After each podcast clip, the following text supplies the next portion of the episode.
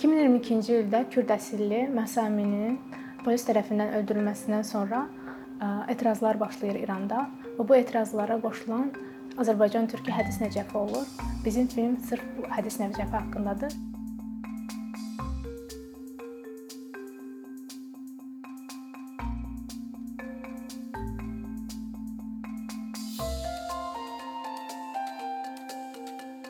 Hədis Nəcəfi Kərəc şəhərində yaşayan sadə Azərbaycan türkü idi və o dizayn fakültəsini bitirmişdi, amma satıcı olaraq işləyirdi və Instagramda özü üçün rəqs videoları paylaşırdı, bilmirəm, dizayn, paltarlarla bağlı məlumatlar verirdi və o sadəcə öz hüquqlarını qorumaq üçün etirazlara çıxmışdı və təəssüf ki, etirazlarda 6 güllə ilə qətlə yetirilir.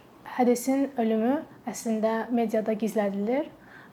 Bacısı bir video yazır və videoda bacısının ölüm sertifikatını göstərir və bacısının öldüyünü sübut eləyir.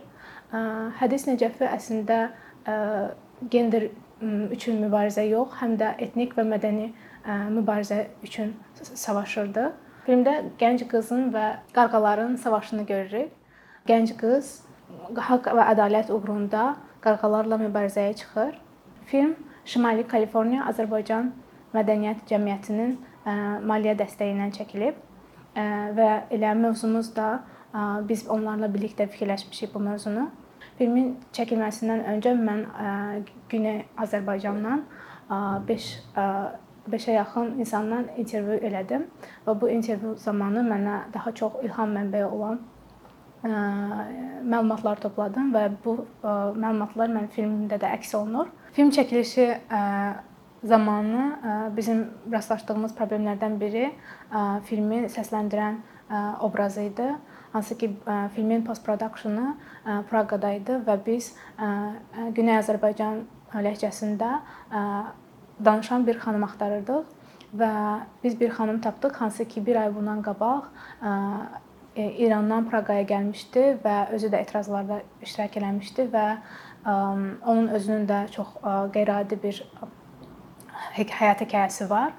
Və mən ona təklif elədim ki, sənin adını anonim olaraq saxlayaq, amma o mənə dedi ki, yox, mən istəyirəm ki, filmdə adım getsin və mən heç kimdən qorxmuram və mən düşünürəm ki, Zöhrədə adı, Zöhrə Kərimi, mən düşünürəm ki, onun ə, səsi ümumiyyətlə hədisin ruhunu çox gözəl ifadə eləyir. Əslində animasiyada mən ə, heyvandan insana keçid, insandan heyvana keçid simvolikasını çox bəyənirəm.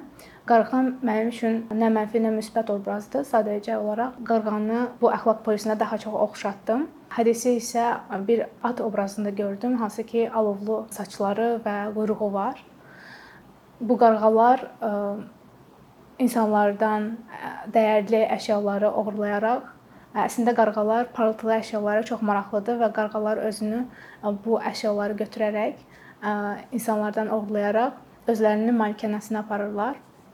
Və hədis də onlardan biri idi.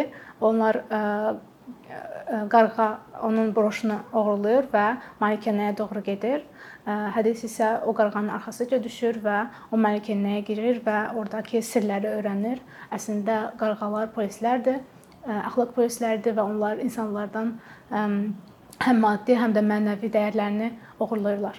At simvolu mənim çox xoşuma gələn bir simvoldur. Mən öz rəsm əsərlərimdə də onu çox-çox istifadə edirəm və düşünürəm ki, at hədisin ruhunu çox yaxşı ifadə edə bilər və ə, filmdə də görürük ki, hədisin qırmızı ə, ayaqqabıları var və atın da öz ə, qırmızı nalı və ə, alovdan saçları ə, hədisin sarı saçları kimi saçları var. Hədis etirazlara çıxmamışdan qabaq Instagramda story paylaşır və deyir ki, ümid edirəm ki, mənim bu etirazlarda ə, çıxışım ə, müsbət dəyişikliklərə yol açacaq və biz filmdə bu sözü istifadə edirik. Hədis eyni sözü filmdə də istifadə eləyir və əslində hədis bilir ki, bu yolun axırında o öləcək, amma körpüyünün sonuna qədər gəlir və öz etirazını saçına broşun yenidən taxmaqla və saçını yığıb o qürurlu sifəti ilə yəni polislərə baxmaqla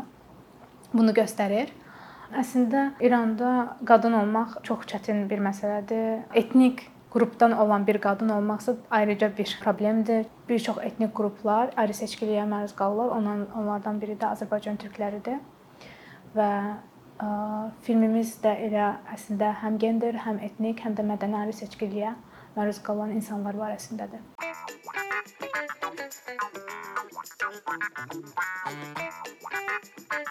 Thank you. Mm-hmm.